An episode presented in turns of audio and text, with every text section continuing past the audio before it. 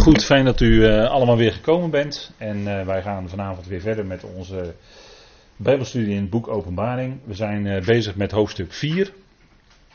En we hebben als onderwerp vanavond de 24 oudsten. En waarschijnlijk zullen we dan ook niet verder komen dan dat onderwerp.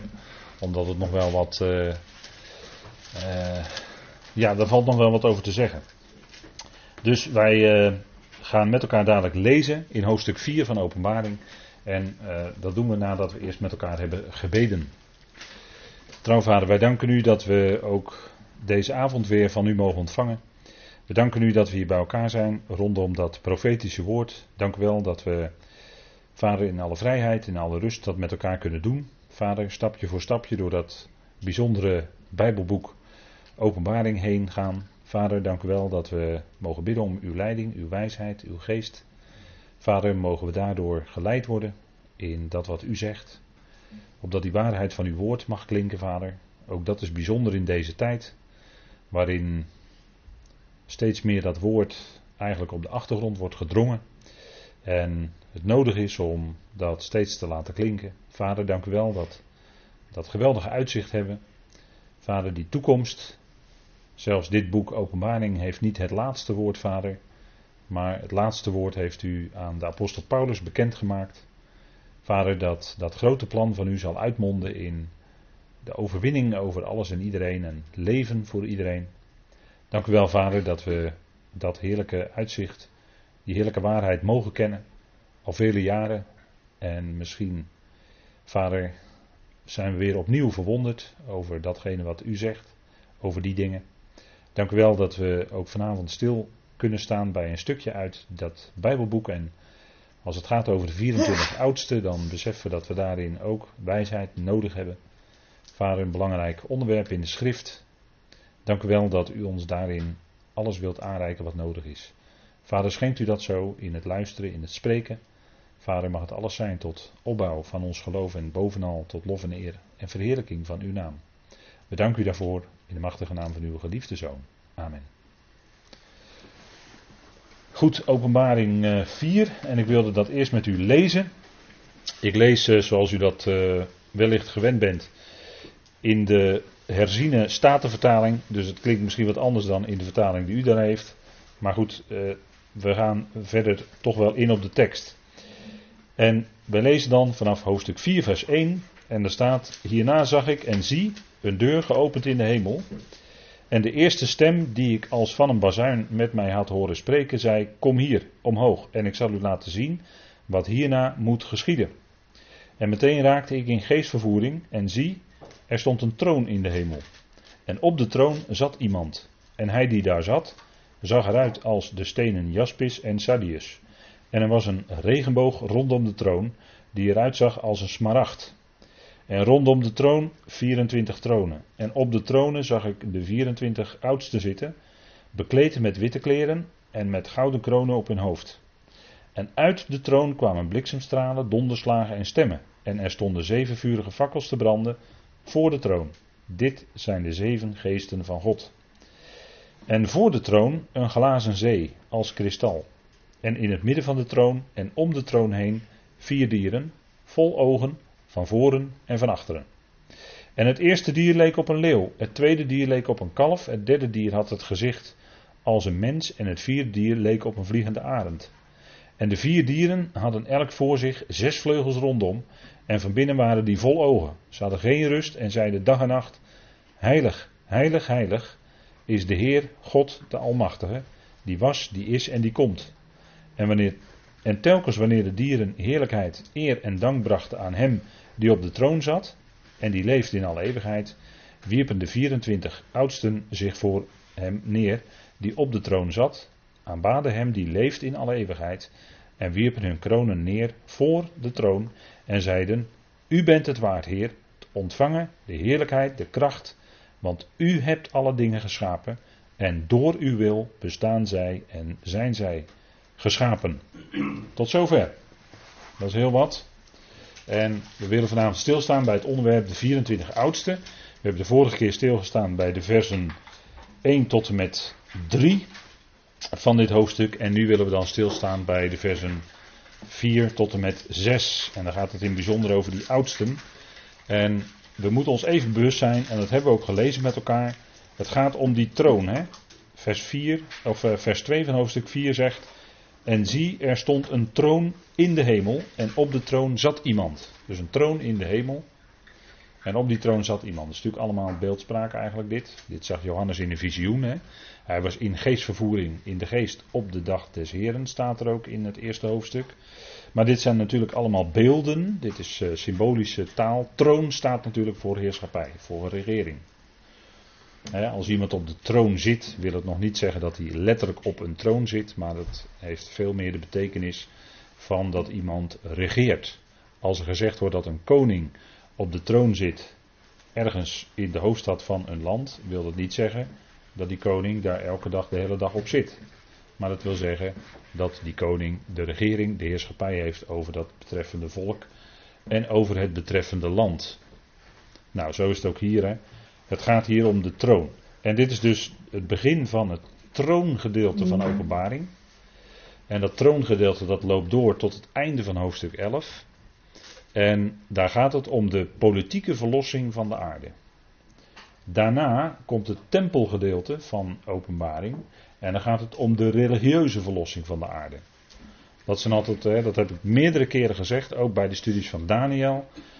Uh, je moet altijd onderscheid maken tussen politiek en religie. En in de eindtijd gaan die dingen met elkaar samen. Hè. Dan grijpt dat steeds meer in elkaar. En daar willen we vanavond ook nog wel iets meer over zeggen vanuit uh, de actuele gebeurtenissen. Goed, de troon. We hebben hier even een kleine indeling van dit hoofdstuk. De troon, dan de 24 oudsten en dan de vier dieren. Nou, dat, dat onderwerp vond ik te groot om in één avond te doen. Ook die vier dieren erbij, dat doen we dan de volgende keer. Omdat het ook nog wel wat, eh, heel wat symboliek in zich draagt. En daar nog wel heel wat over te zeggen is vanuit andere schriftgedeelten. Dus daar wil ik dan een volgende keer met u over spreken. De 24 oudsten. Daar, daar gaat het om. Hè? De 24 oudsten, die zien we dus hier. Hè? Dat hebben we met elkaar gelezen. Vers 4. En op de tronen. Hè? Er was dus niet alleen één troon waar iemand op zit. Maar er zijn ook 24 tronen, wordt hier gezegd. Hè? 24 oudsten, 24 tronen. Dus dat. En wat stelt dat dan voor? Daar gaat het natuurlijk om. Hè? Daar zijn al veel uitleggingen over geweest. Vaak heeft men gedacht dat en nog steeds hoor, je kunt het zo uh, terugvinden. Als u even gaat zoeken op internet en u gaat zoeken naar uitleggingen over de 24 oudsten, dan zult u heel vaak tegenkomen dat de oudsten de gemeente het lichaam van Christus uitbeelden. En dat wordt dan verondersteld, maar en dat worden allerlei redenen worden daarvoor aangevoerd. Maar die redenen, die, uh, ja, dat, dat, uh, dat is eigenlijk niet, meestal, eigenlijk altijd, niet steekhoudend want oudsten, dat, dat zegt natuurlijk iets. En ook het getal 24, daar willen we vanavond ook wat meer naar kijken, wat verder naar kijken. Maar dat zegt natuurlijk wel iets. Hè? En nou, we gaan kijken wat het nou te betekenen heeft. Uh, eh, 24, wij weten, en u weet waarschijnlijk ook wel, dat het getal 12 in de Bijbel te maken heeft met regering, hè, met heerschappij hebben over. Uh, twaalf stammen van Israël zullen de de, de, de wereld, hè, de volkeren regeren in de toekomst, in de duizend jaar. En over die twaalf stammen zullen dan de twaalf apostelen regeren. En zo hebben we straks ook in het Nieuw Jeruzalem, als we daar ooit nog aan toekomen, maar dat weet ik niet. Uh, of, of, uh, of, dat, of dat zo zal zijn. Maar goed, dat is altijd uh, als de Heer dat geeft. Maar in de toekomst gaan we nog kijken naar het Nieuwe Jeruzalem. En daar heb je ook twaalf poorten en twaalf fundamenten. Met de namen van de twaalf apostelen. Nou, dat heeft allemaal te maken met het koninkrijk en, en heeft betrekking op Israël. En betrekking op regering. Twaalf is het getal van heerschappij, van regering. Zo kennen we ook twaalf uren in een dag. dat, is de, dat, dat is de tijdeenheid, zeg maar. Twaalf is de tijdeenheid die de dag regeert. En nou, zo ook in de nacht wij kennen ook 24 uur. Dat, is, dat komt best wel ergens vandaan. Zo kennen we ook In de dierenriem, bijvoorbeeld de twaalf tekens van de dierenriem. En dat is een, eh, als, de, als het helemaal een omloop is geweest, dan zijn dus al die twaalf tekens doorlopen. Nou, dat is ook een hele oude geschiedenis die al heel lang bestaat. Hè, die staan aan de hemel. En dat heeft dan verder voor ons niets te maken met astrologie. Maar als je kijkt naar die tekens van de dierenriem en wat die symbolisch voorstellen, dan staat daarin ook eigenlijk in grote stappen Gods plan beschreven. Zou je kunnen zeggen. Daar heeft uh, dokter E.W. Bullinger een boek over geschreven. En uh, dat is, dat is heel, heel erg de moeite waard om je daarin te verdiepen. Want dan kom je eigenlijk dezelfde dingen tegen die je in de schrift ook tegenkomt. En dat is natuurlijk logisch, want het is dezelfde auteur, hè, zeg ik dan altijd. Het is dezelfde schepper. Hij die de schepping geschapen heeft en alle sterren en de tekens van de dieren geschapen heeft, heeft ook, Gods, heeft ook zijn woord geschapen. Dat is hetzelfde. Dus dat is dezelfde auteur, dezelfde bron. Nou, dan kom je bij dezelfde dingen uit. En dat is dus ook zo. Maar dat heeft niets te maken met astrologie, want dat is een spin-off. En dat is nou weer typisch de tegenstander die dat dan pakt en die daar dan met astrologie en uh, allerlei rare voorspellingen en waarzeggerijen enzovoort. Nou, daar hebben we helemaal niks mee te maken. Daar blijven we ver bij weg. Daar heeft het ook helemaal niet mee te maken. Eigenlijk, eigenlijk, maar het heeft te maken met wat zegt God in zijn woord. Nou, dat vind je dus in die sterren terug. dat is wat Psalm 19 ook zegt. Dat de nacht predikt kennis. Nou, welke kennis is dat? Nou, die kennis uit die sterren. Uit die tekens van de dierenriem. Goed, maar goed, eh, genoeg daarover. Dat zijn er ook niet bij toeval natuurlijk twaalf. Twaalf tekens van de dieren. Twaalf is het punt van de regering van de heerschappij. En dat heeft te maken, als het gaat om hier op aarde, altijd met Israël. Het getal 12 heeft nooit te maken met de gemeente. En als u dat wel vindt, dan zou ik dat graag willen dat u dat aantoont. Maar ik heb het niet terug kunnen vinden bij in verband met getal 12 met de gemeente die het lichaam van Christus is. Ik heb het niet kunnen terugvinden. En we praten hier natuurlijk over een dubbele 12. We praten hier over 24 oudsten. 24 oudsten. En dat is iets wat we wel terugvinden in Tenach, bij David maar daar, nou, nu loop ik eigenlijk alweer vooruit, daar komen we nog op. Maar bij David vinden we dat natuurlijk wel terug, hè? in uh, Kronieken. Maar goed, daar komen we nog op. Goed, openbaring 4, daar gaat het over de schepping. En openbaring 5 gaat het over verlossing. En heel openbaring 4 en 5 is eigenlijk een groot inleidend visioen op de dingen die daarna gaan komen. Want het is een heel gebeuren daar in de hemel. En het gaat erom dat die boekrol met zeven zegels, dat die zegels verbroken worden. En dat heeft te maken met gericht. Hè? Als je de beschrijving van de troon hier ziet, gaat het om gericht.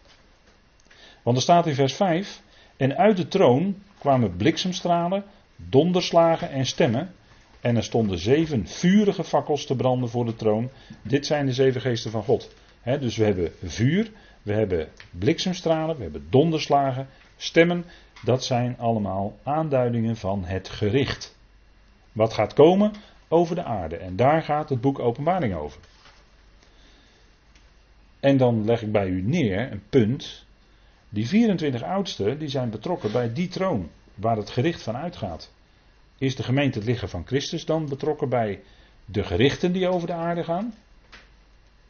Hebben wij dan een bediening van gerichten uitvoeren? Nee, die bediening hebben wij niet. Wij hebben de bediening van de verzoening. Dat is onze bediening. Niet die van gericht. Ik denk dat dat een punt is hoor. Hier. velen willen dus graag in die 24 oudsten de gemeente zien. Of, de, of zo u wilt de kerk, als u dat zo wil noemen. Is geen bijbelse uitdrukking, maar goed. Ik denk dat het een belangrijk punt is. Ik denk dat het een belangrijk punt is.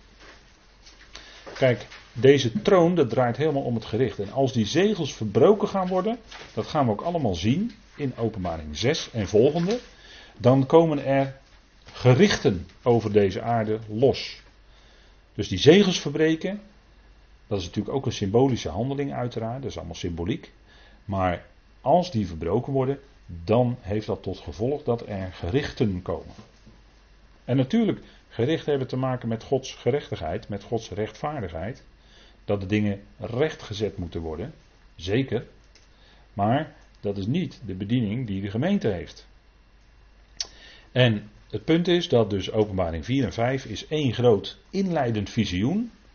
En als gevolg van dat visioen, hè, dan worden die zegels verbroken. En er is maar één die in staat is om dat te kunnen doen in het hele universum. Dat zullen we ook nog gaan zien. En daar gaat het dan om het gericht, de gerichten die over de aarde zullen komen. Nou, dat, dat gaan we met elkaar zien. Hè.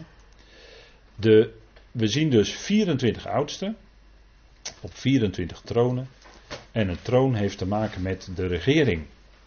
Het gaat hier om de schepping en we zullen zien in het vervolg van openbaring dat het gaat om de gerichten over de aarde. Kijk, die oudsten die zullen ook instemmen met een jubel. En dat is in openbaring 5 vers 13, dus dan zijn we aan het eind van dat visioen gekomen. Als er gebleken is dat er toch iemand is die die zegels kan verbreken, dan jubelen die oudsten uit dat elk schepsel in de hemel en op de aarde, dus het gaat hier om schepping, schepsel, in de hemel op de aarde en onder de aarde en op de zee is en alles wat daarin is, hoorde ik zeggen aan hem die op de troon zit en aan het lam, zij de zegen, in uw vertaling staat waarschijnlijk dankzegging of dank, maar er staat eigenlijk zegen, en eer en heerlijkheid en de kracht voor de eonen van de eonen. Er staat natuurlijk niet in alle eeuwigheid, maar daar heb ik al eens een keer eerder, heb ik dat met u nagelopen, dacht ik. Er staat eigenlijk hier in de eonen van de eonen. Dat zijn, die uitdrukking is een vaste uitdrukking. En dat duidt op de laatste twee tijdperken van Gods plan. De eonen van de eonen. Dat zijn de laatste twee, dus de vierde en de vijfde eon.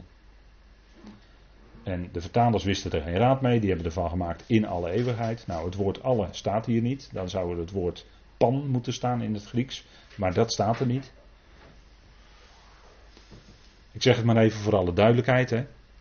En wat er wel staat is dus van de eonen, hè, voor, of voor of gedurende, letterlijk naar binnen, hè, het Griekse ijs. De eonen van de eonen. Dus de laatste twee eonen is dat. Dat is een vaste uitdrukking in de schrift. Net zoals je hebt ook de uitdrukking de heiligen van de heiligen. Dat zijn de heilige plaatsen van de tempel en de tabernakel. De heiligen van de heiligen. Is precies dezelfde uitdrukking. En daar weten de vertalers wel raad mee. Maar hier wisten ze geen raad mee. Hebben ze vertaald in alle eeuwigheid. Ja, dat is, niet, dat is incorrect. Dus het voldoet niet recht aan de grondtekst. Vandaar dat we het elke keer toch even rechtzetten. En hier gaat het dus om een jubel van de hele schepping. En degenen die daarmee instemmen zijn dus die oudsten en die vier dieren. En de vier dieren zeiden Amen. En de 24 oudsten wierpen zich neer en aanbaden. Ziet u? Dus die dieren en die oudsten die stemmen als het ware in met wat die schepping lofzingt. Die schepselen lofzingen. Nou, dat is ook wat die um, oudste en die dieren eigenlijk representeren. Hè? Het is natuurlijk een visioen. Het zijn beelden die Johannes ziet. En dan zegt u ja, die vier dieren, die, dat is natuurlijk ook niet letterlijk zo, maar dat is symboliek. Want als we het hebben over dieren, dan zou je kunnen denken aan de eenhoorn. Die komt u wel eens tegen, die heeft u misschien wel eens gezien, of komt u misschien wel eens tegen in allerlei verhalen. Maar zo'n eenhoorn, zo'n dier, hè, dat is zo'n paard met zo'n punt uh, op zijn hoofd, die bestaat helemaal niet. Dat is een dier wat gewoon helemaal niet bestaat. Of wat dacht u van een griffioen? Heeft u wel eens gehoord van een griffioen? Weet u wat een griffioen is? Dat is een panter of een leeuw met een adelaarkop. Maar die bestaat ook niet. Maar dat is een symbolische voorstelling. Of een, of een uh, sphinx bij die piramide in Egypte. Die bestaat ook niet in het echt. Maar dat is een symbolische voorstelling. En zo zien we ook hier in het boek Openbaring. Met die vier dieren, wat we vaker tegenkomen in de Bijbel. Ezekiel 1, Ezekiel 10. Komen ze ook voor. Daniel hebben we ook gezien, de gerichtsgestalte van de Heer. Die we ook terugvinden in het eerste hoofdstuk van Openbaring. Het zijn allemaal symbolische voorstellingen. Dus je moet goed die symboliek leren kennen zoals die vanuit de schrift naar voren komt. Hè? Nou, die 24 oudsten en die vier dieren, die representeren iets. En daar gaat het om. Zoals de troon, regering en heerschappij representeert. Zoals die donderslagen, bliksemschichten eigenlijk het gericht voorstellen. Het gericht wat moet komen. Nou, zo bijvoorbeeld die zeven vurige fakkels, dat wordt gelijk uitgelegd. Dat zijn, dat zijn de zeven geesten, hè? Staat er ook bij. Zeven vurige fakkels te branden voor de troon. Dit zijn de zeven geesten van God. Dus u ziet dat het uitgelegd wordt. En je moet, dan moet je ook niet verder gaan. Het wordt uitgelegd, dit is de uitleg. Dan moet je niet gaan verder filosoferen over die fakkels. Nee, die fakkels stellen die geesten voor. Dat is het punt, hè. En zeven in de schrift, hè, zeven, dat heeft natuurlijk wel een betekenis. Dat staat voor het werk van God wat compleet is in deze schepping. Zoals het getal 8 te maken heeft met een nieuw begin, een nieuwe schepping. Zo is het getal 7 representeert deze, hè, het volmaakte werk van God in deze oude schepping. Nou, zo heb je steeds, moet je kijken dus, hè, we hebben bij 12 ook gekeken, stelt eigenlijk regering voor. Dus die symbolen, die symboliek van die getallen moet je ook kennen uit de Bijbel. Nou, zo zien we dat ook hier. Hè? Wat representeren zij nu? Die vier dieren en die 24 oudsten. Nou, die vier dieren, of vier levende wezens wordt het ook wel vertaald. Hè? Vier levende, als je het heel letterlijk zou vertalen. Is het Griekse woord zoe, afgeleid van het werkwoord zao in het Grieks. Die, dat zijn de levende. Hè? En dieren heeft te maken met de aardse schepselen. Zij representeren de aardse schepselen. En die 24 oudsten, die worden hier gezien in de hemel. En die, wat doen die? Die representeren eigenlijk de hemelse schepselen. En dan degene die daarover de regering hebben. En daartussen zien we dan als het ware als een verbinding worden ook allerlei boodschappers genoemd. Hè? Hemelse boodschappers. En die vormen eigenlijk de verbinding tussen de aardse en de hemelse. dus dat is wat je. Uh, dat, dat is eigenlijk wat, wat je moet gaan zien. Dat het dit voorstelt. En als we kijken naar die oudsten. Dan zou je kunnen zeggen: kijk, oudsten dat heeft altijd in de schrift, heeft dat meestal te maken toch met uh, degene die uh, een belangrijke plaats innemen. En als je bijvoorbeeld, dat zullen we nog gaan zien hoor, maar als je bijvoorbeeld bij Petrus kijkt, dan roept Petrus bij de besnijdenis de jongeren op om de oudsten, om zich aan de oudsten te onderschikken. Maar dat zullen we nog gaan zien, hè? dat staat er ook. Um, maar die oudsten hier, die stellen eigenlijk voor de, en als we het hebben over oudsten, die, die, die nemen toch een bepaalde plaats in, een zekere plaats. Hè. Als je ook kijkt uh, bij, de, bij de gemeente, dan is het zo dat dat ouderen zijn. De naam zegt het al, oudsten is eigenlijk overtreffende trap. In het Nederlands is dat eigenlijk niet helemaal goed. Het gaat eigenlijk om ouderen. Hè. Het is vergrotende trap in het Grieks. Maar uh, het gaat dan wel om degene die uh, ervaring hebben, wijsheid hebben en daardoor een bepaalde plaats in de gemeentes kunnen innemen. Nou, hier gaat het om hemelse oudsten. Hè? Hier worden die oudsten gezien in de hemel. En ook op de troon. Hè? Zij zitten op tronen. Tronen hebben we. Troon staat voor regering, staat voor heerschappij. Zij zitten op tronen. En ze hebben zelfs gouden kronen op hun hoofd, of kransen eigenlijk. Hè? Er staat uh, Stefanoi en dat is krans. Hè? Dat is niet zozeer kroon, maar meer krans. Dat, dat heeft te maken met dat zij gestreden hebben en dat er een overwinning is behaald. Maar goed, daar, daar komen we nog op. Maar je kunt dat vergelijken met wat in Colossense 1 wordt genoemd door Paulus. Wat daar staat in Colossense 1 vers 16. Want in hem is het al geschapen. Wat in de hemelen en wat op de aarde is. Het zichtbare en het onzichtbare. Het zij tronen het zij heerschappijen, het zij soevereiniteiten, het zij gevolmachtigden. Het al is door hem en tot hem geschapen. Colossense 1, vers 16. Nou, hier wordt ook gesproken over die tronen. Hier wordt gesproken over degene die binnen de te midden van de hemelingen de regering hebben, de, uh, hoger zijn dan anderen. En daarmee zou je die oudsten kunnen vergelijken. Paulus zegt in Colossense 1 op deze manier. En hier in openbaring worden zij oudsten genoemd. En die tronen, dat is een belangrijk punt van verbinding dan. Hè? Want het gaat in Colossense 1 over de zichtbare en de onzichtbare. En hier kijken we in de hemel naar die oudsten. En die zijn voor ons oog op aarde onzichtbaar. Maar ze zijn er wel.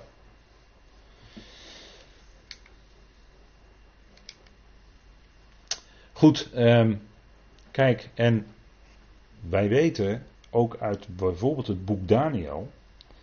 Dat, er, dat de, wat in de hemelen gebeurt en wat op aarde gebeurt, dat heeft met elkaar te maken. Wij zien niet vanaf de aarde de hemelse machten en krachten, de geesten, die zijn voor ons onzichtbaar. Dat kunnen wij niet waarnemen. Maar dat is er wel. En geestelijke machten hebben een grote invloed. En een steeds grotere invloed. En dan bedoel ik eigenlijk de machten van de boze. Hè. Als we praten over de wapenrusting, dan hebben we daarmee te maken. Die machten van de boze die hebben steeds meer invloed in deze tijd op de gang van zaken in de wereld. En dat is merkbaar. De geest van de tegenstander, die stapt steeds sneller door. En die krijgt steeds meer invloed in het denken van de mensen. Dat zijn ze zich helemaal niet bewust.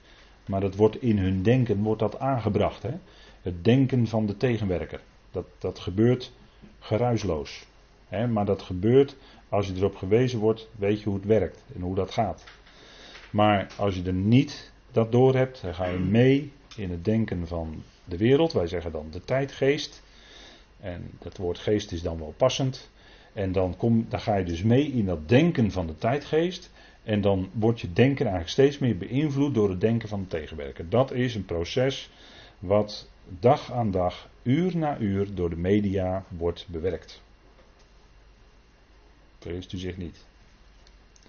En wij zien daar, wij zien dus ook, ik had in het begin vanavond even over politiek en religieus. Nou, daar hebben we onlangs hebben we daar het nodige van gezien. In Amerika, in de Verenigde Staten, toen de paus daar op bezoek was.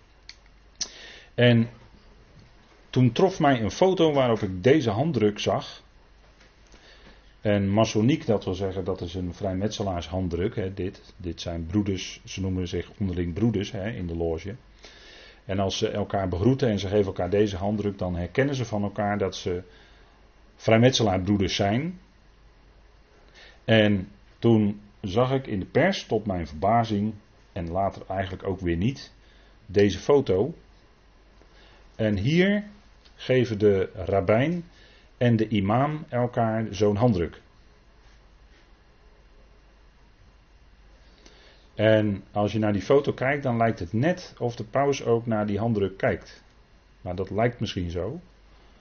Maar dit is dus uh, een interreligieus gebed op Ground Zero. Hè. De paus was onlangs in Amerika, heeft daar de Verenigde Naties toegesproken.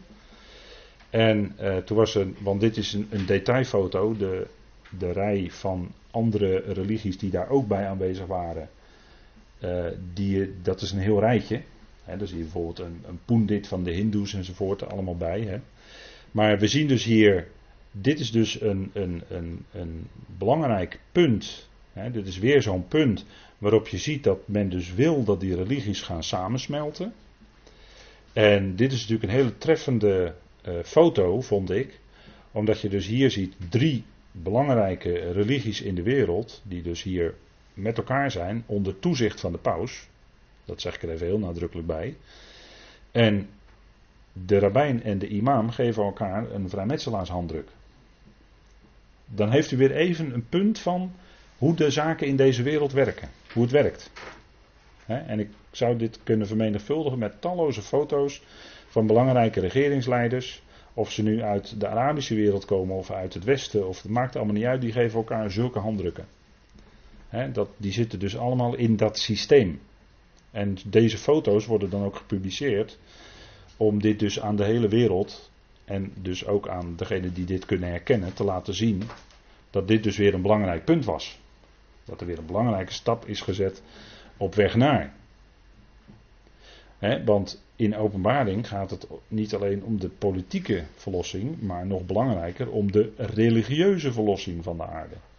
En als we straks in, als we later in het tempelgedeelte van openbaring zullen komen, dan zullen we ook zien dat de gerichten intenser en heviger zijn als het gaat om de religieuze verlossing. Want het gaat natuurlijk om de aanbidding. De tegenwerker wil de aanbidding van de hele mensheid naar zich toe trekken. En dat zal ook gaan gebeuren, maar dat zal dan ook enorme gericht tot consequenties hebben. Want God wil dat, gaat dat doorbreken met enorme gerichten. En zal die zaak ook gaan rechtzetten. En dan heb je dus de religieuze verlossing van de aarde. Maar u ziet dus dat hier, op zulke momenten, als, als, dit, als zoiets gebeurt, want de, de paus is niet de eerste keer overigens dat hij de Verenigde Naties toesprak hoor. Vorige pauzen hebben ook Verenigde Naties toegesproken. Dit is niet de eerste keer. Maar dit is wel een voortgaand proces. Wat men dus van achter de schermen bevordert. De eenwording van alle religies. Dat moet één wereldreligie worden. En wij weten uit de schrift dat dat zal zijn de aanbidding van het beest en het beeld van het beest. En daarin aanbidden zij de draak. En zo staat het ook in openbaring. En daar heb je ook weer zo'n, als ik nu draak noem, dan, uh, dan heb je ook weer zo'n symbool. Zo'n echte draak bestaat niet. Hè? Net zoals Sinterklaas niet bestaat. Zo'n echte draak bestaat niet. Maar de tegenwerker bestaat wel, maar die wordt gezien in de eindtijd onder het beeld van een draak. Ja, en dan noem ik, dan noem ik die twee dus in één zin bij elkaar. Nou ja, goed, laat maar. Maar onder het beeld van een draak. Dat wil zeggen dat, dat de grote macht zal zijn aan de tegenwerker in de eindtijd. Dat zal, God zal hem dat toestaan. Zal, hij zal die macht krijgen. Dus religie en politiek, daar gaat het om. Hè? En ik vond het heel treffend, dus de paus, die de VN, dus de religieuze man, die de VN, politiek orgaan, toespreekt. Daar heb je het, hè? En dit is dan een punt weer in de tijd. Dus, maar vergist u zich niet, hè?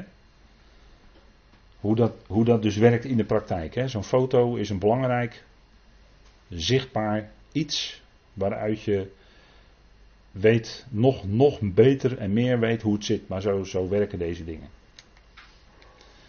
Nou, vorige keer heb ik u dit plaatje ook laten zien. een treffende vergelijking is hoe zag het Ottomaanse Rijk eruit. En ook heel treffend is hoe nu de islamitische landen, hoe dat gebied eruit ziet in, in onze tijd. Daar zit toch een belangrijke overeenkomst in, denk ik.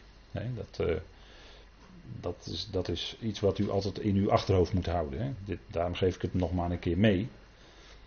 Uh, omdat Israël is omringd door vijanden. Nou, dat is dan in deze tijd dus zo, op die manier. Hè. Dat zijn de, die landen rondom zijn de vijanden van, van Israël. Van de Joodse staat, moet ik eigenlijk zeggen. Dat is een betere uitdrukking ervoor. Goed, we gaan even terug naar de oudsten. Dit was even een uitstapje in de actualiteit. Maar we gaan even terug naar de oudsten. De oudsten die, als we kijken, we gaan even van diverse kanten bekijken, de oudsten. Oudsten vormen het Sanhedrin in Israël, samen met de overpriesters en de schriftgeleerden. Als ze genoemd worden, het Sanhedrin, dan worden de overpriesters en de oudsten bijvoorbeeld apart genoemd. De schriftgeleerden en de oudsten worden apart genoemd en de fariseeën. Dus die oudsten die spelen eigenlijk sinds de tijd van Mozes, hè, want toen is daar die raad van oudsten ingesteld, hè, omdat Mozes het te druk had, had hij 70 nodig die hem daarbij konden, konden helpen.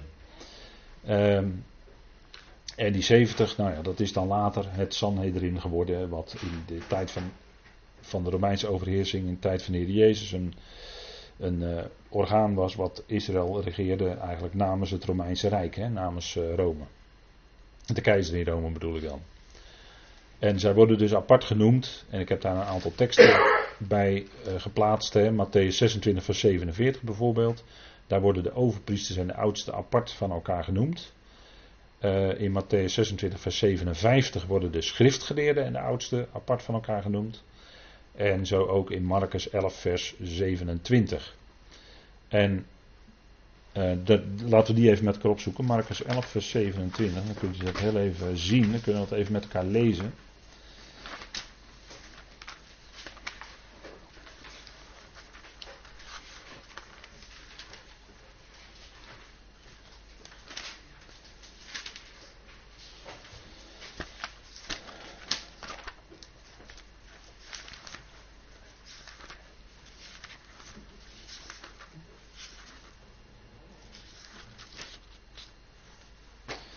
En staat, en ze kwamen weer in Jeruzalem en toen hij in de tempel rondliep, kwamen de overpriesters en de schriftgeleerden en de oudsten naar hem toe.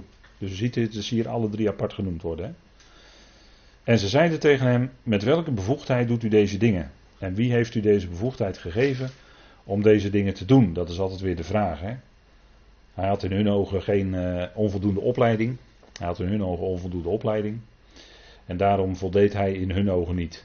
Van welke bevoegdheid? Met andere woorden, hij had eerst aan de voeten van een of andere rabbi een opleiding moeten hebben. Met een uh, brevet van, van vermogen. En uh, dan was het goed geweest. En vandaar dat ze deze vraag aan hem stellen. Met welke bevoegdheid? Met andere woorden, misschien hadden ze wel problemen met de manier waarop hij de schrift gebruikte. En dat hij de schrift gewoon liet zeggen wat de schrift ook gewoon echt zegt. Ja, dat is dan bij de, meestal bij de gevestigde religieuze orde is dat, ligt dat wat moeilijk. Want dat is vandaag de dag natuurlijk nog steeds zo. Van, uh, dat er gezegd wordt, ja, dat staat er wel, maar uh, dat betekent eigenlijk iets anders. Maar God bedoelt gewoon wat hij zegt. En, en uh, ik vind het toch altijd treffend, hè, als, we, als we nu toch even in de Evangelie kijken, dat, dat de Heer dan zegt, als nou die zoon des mensen terugkomt, zal hij dan het geloof vinden op aarde? Zal dan het geloof vinden? En het geloof is dat de, dat de schriften geloofd worden. Dat is het geloof. Het woord. En dat is in onze tijd, zie je eigenlijk al steeds sterker worden, dat men eh, de Bijbel, ja, daar doet men van alles mee, behalve lezen en geloven, denk ik wel eens. En misschien ben ik dan een beetje somber, maar eh, het punt is dat daar waar die schriften klinken, daar roepen ze op tot geloof. Gelooft de schriften, wat zij zeggen. En die zijn duidelijk genoeg. En dan, ligt er, dan is er altijd weer die tegenwerker, die er iets anders van wil maken. Want je kunt bij de eerste misleiding, want de tegenwerker wordt ook de verzoeker genoemd. Want de uren van verzoeking, staat, uh, hebben we met elkaar al behandeld natuurlijk. Maar de uren van verzoeking zal over de hele aarde komen. dat staat bij de twee laatste gemeentes van openbaring 2 en 3. Staat dat genoemd, hè? De uren der verzoeking. Die zal komen. Nou, daarachter zit de verzoeker. Dat is de tegenstander. En die misleiden in de hof door te zeggen: Is het ook dat God gezegd heeft? Twijfel zaaien aan het woord van God. En een klein beetje verdraaien. Andere interpretatie dus eraan geven. En dus de mens daarmee misleiden. En dat luistert soms heel nauw, inderdaad. Ja, dat klopt. Maar als je weet wat de schrift zegt. En het komt op tafel. Dan is het zaak om die schrift te geloven. daarom is die, die vraag die de Heer Jezus dan stelt aan, aan zijn toehoorders. Hè, als nou die zoon des mensen komt, zal hij dan nog het geloof vinden op aarde? En natuurlijk kun je zeggen, ja, dat is pas als hij zijn voeten zal zetten op de olijfberg. Die komst, dat weet ik wel, dat hij daarover dan heeft. Maar ook in onze tijd is het ook zo dat, dat Paulus niet voor niets tegen Timotheus zegt: verkondig het woord. sta erbij. Dus verkondigen en erbij blijven staan. En dat mensen dat dan niet waarderen, of dat woord van Paulus niet, niet, willen, niet willen op een gegeven moment, of niet meer willen, kan ook nog. Het zij zo, maar hij zegt tegen Timotheus: blijf erbij, sta erbij.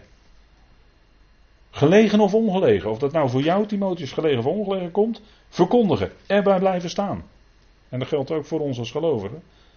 Dat woord zouden wij geloven en erbij blijven. En niet erbij weglopen. Maar het woord is niet welkom steeds minder welkom. En, en vandaar dat Paulus heel ernstig in 2 Timotheus 4 spreekt. Hè?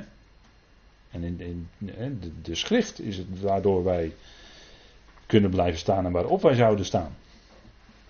Nou, daar gaat het om. En, en dat is wat. wat uh, hè, en dat heeft ook te maken met deze vraag: welke bevoegdheid heeft u?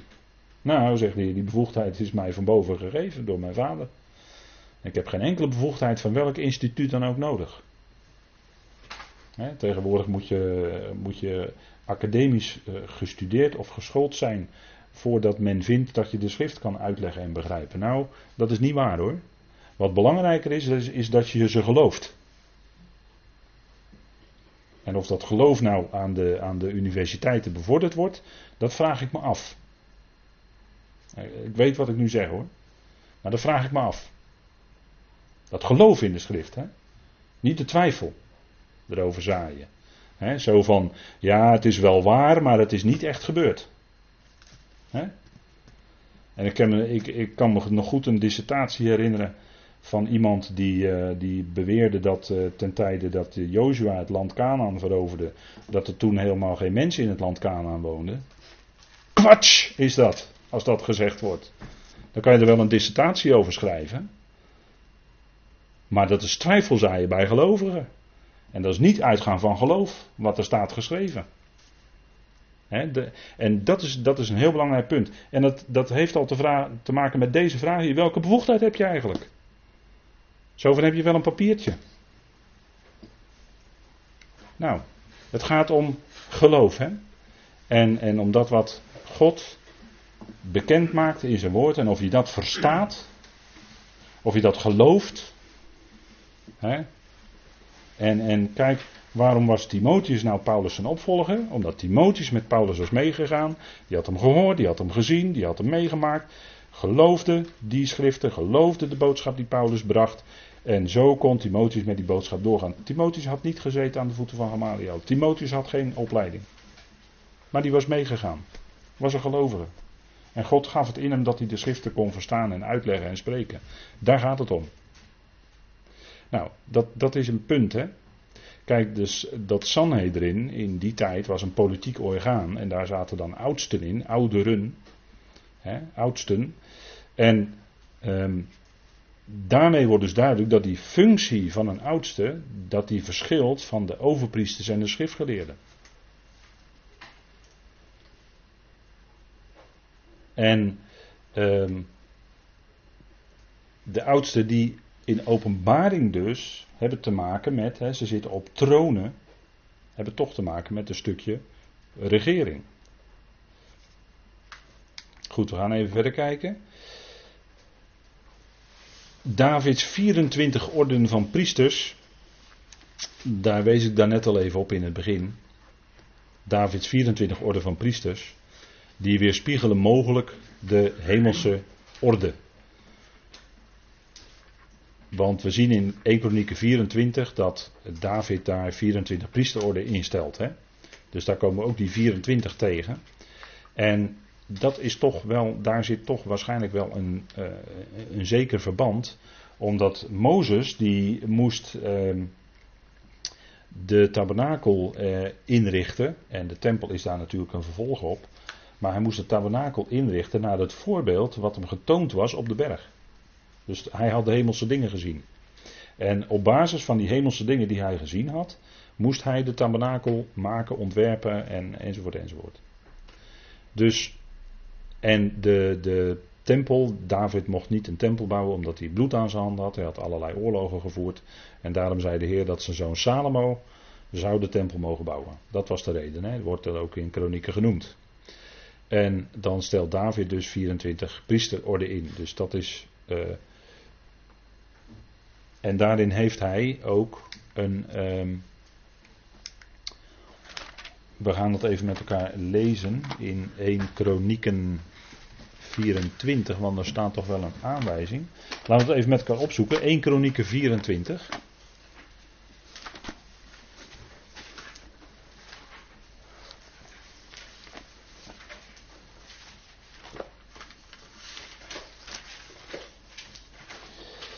1 Kronieken 24. De orde van de priesters. En er staat in vers 4 van 1 Kronieken 24. Van de zonen van Eleazar.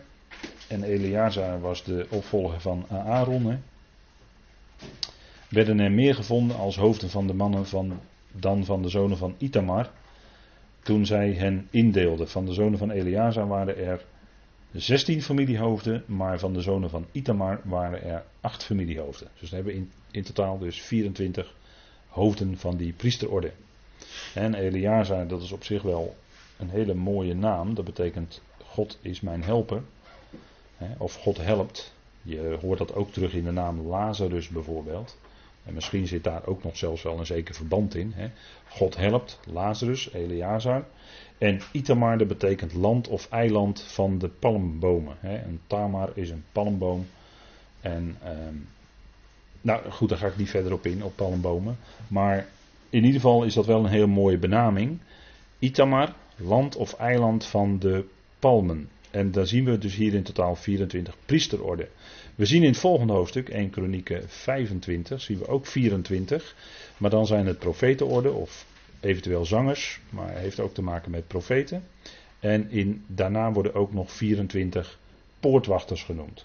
Dus we zien eigenlijk dat het getal 24 in verband met die tempeldienst ook heel sterk naar voren komt. En in, even kijken hoor, in vers 19, in vers 19 van 1 Kronieken 28, gaan we even een paar hoofdstukken verder, wordt iets gezegd door David.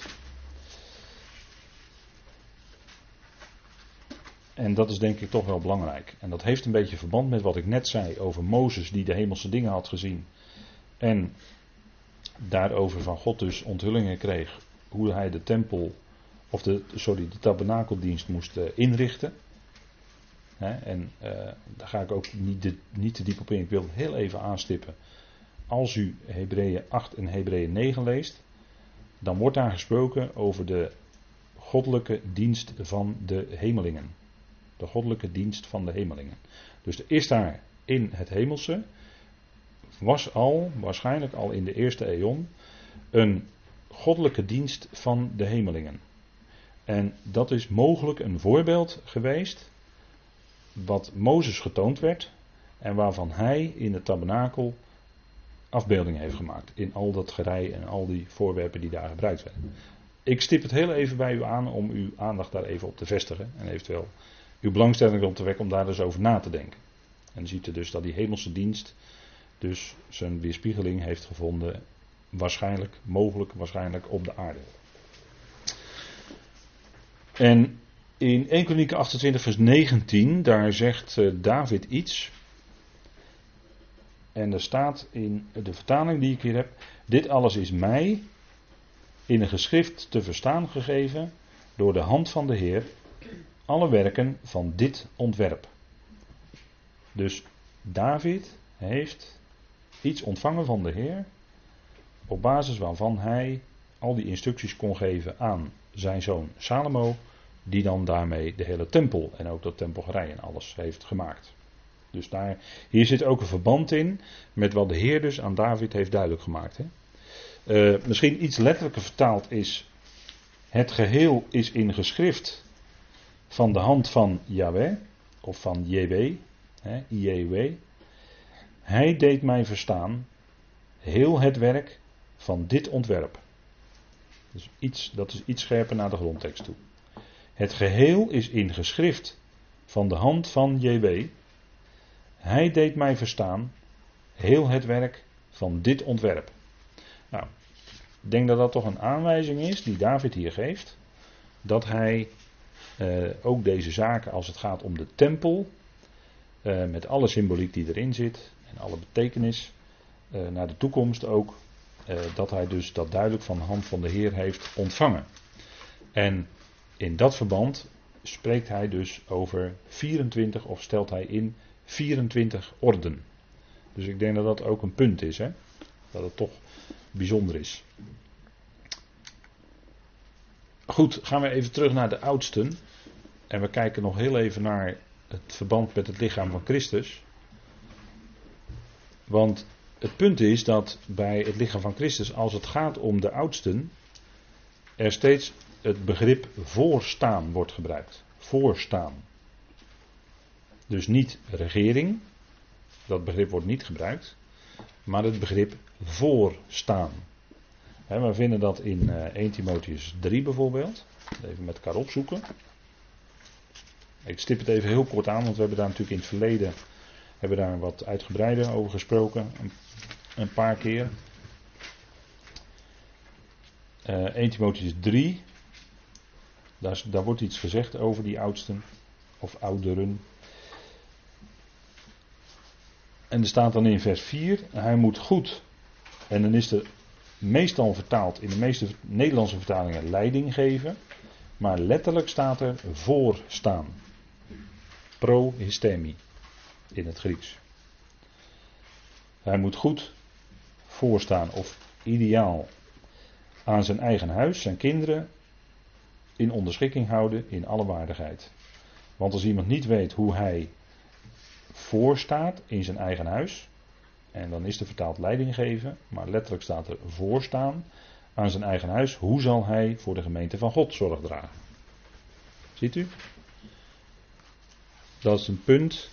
En dan even 1 Timotheus 5, vers 1. Daar staat: Vaar niet uit tegen een oude man, is hier vertaald. Maar als je het puur het woord neemt, is het de oudere of oudste. Maar spoor hem aan als een vader, jonge mannen als broeders. Belangrijk punt hoor, wat hier staat. Belangrijk punt. En dan vers 17. 1 Timotheus 5, vers 17. Laat de oudsten die ideaal voorstaan. En is waarschijnlijk bij u ook weer vertaald leiding geven, bij mij ook hier. Dubbele eerwaard geacht worden, vooral degene die arbeiden in het woord en in de leer. En dan vers 19. Neem tegen een oudste geen beschuldiging aan, tenzij er twee of drie getuigen zijn. Nou, dat ontleent Paulus aan de Mosaïsche wetgevingen, die twee of drie getuigen. En goed, daar gaan we niet verder op in, maar uh, ook is dit natuurlijk een belangrijk punt. Hè?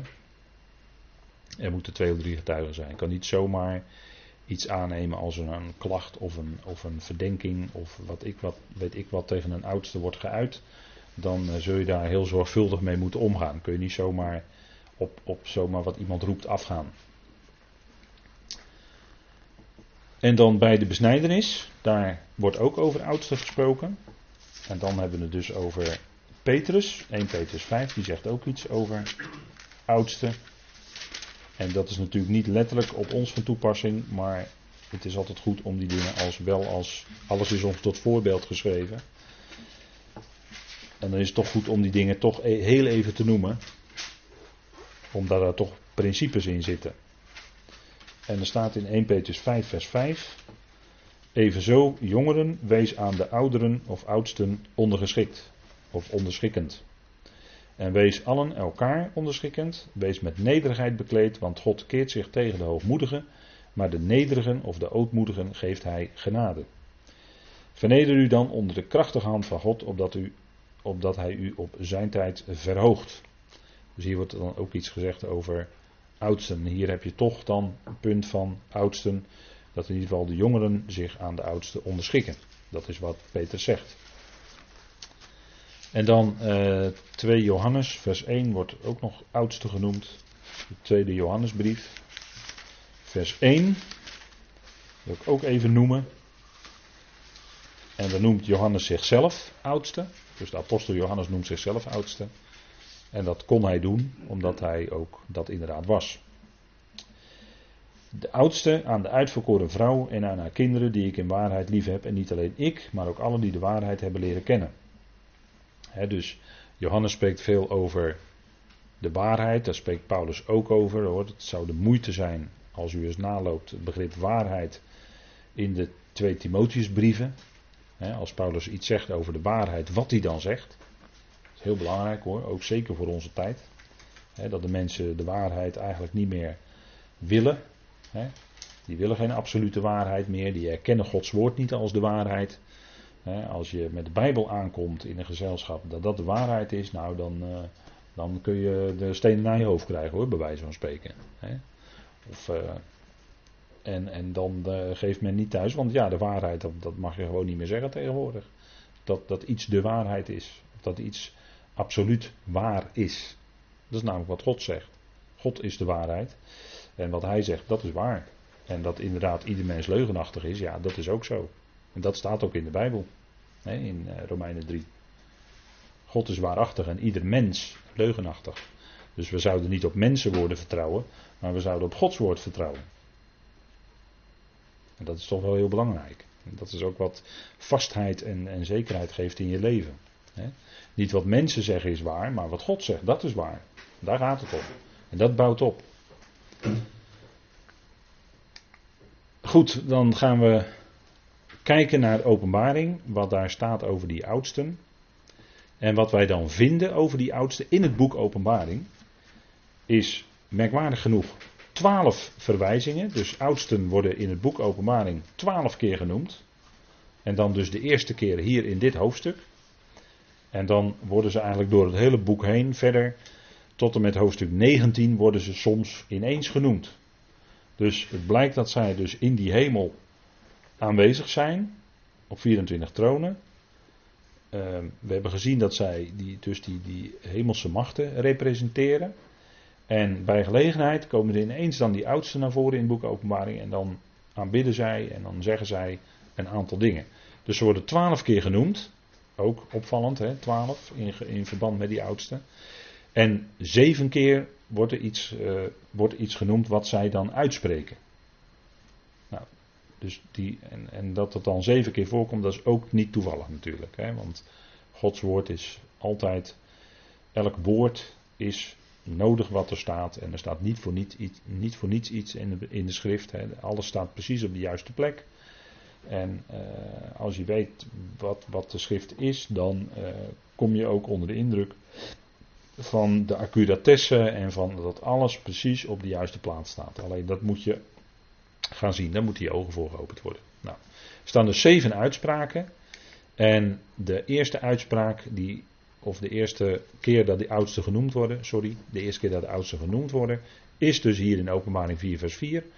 En dan worden zij gezien in witte kleding en met een krans op hun hoofd. Nou, die witte kleding, die witte kleding, die heeft te maken met verdiensten. En in het boek Openbaring worden witte klederen vaker genoemd, hè, in verschillende omstandigheden.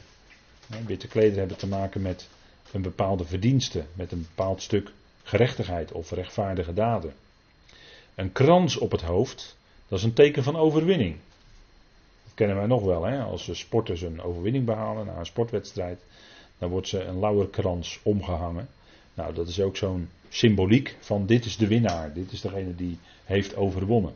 Nou, zij hebben ook gouden kransen hier op het hoofd. Dat wil zeggen dat hun overwinning ook uh, definitief is en dat het zeker is, hè, vast is. Goud is het meest vaste edelmetaal wat we kennen, het meest waardevaste ook in deze schepping. En in de nieuwe schepping zien wij dat goud nog alom aanwezig is. Maar goed, dat uh, voert, voert, nu even te ver. Um, en zo zien we dat steeds weer die oudsten genoemd worden in bijzondere, met een bijzondere symboliek eromheen. Goed, ik stel voor dat we even pauzeren met elkaar en dan gaan we na de pauze met elkaar weer verder.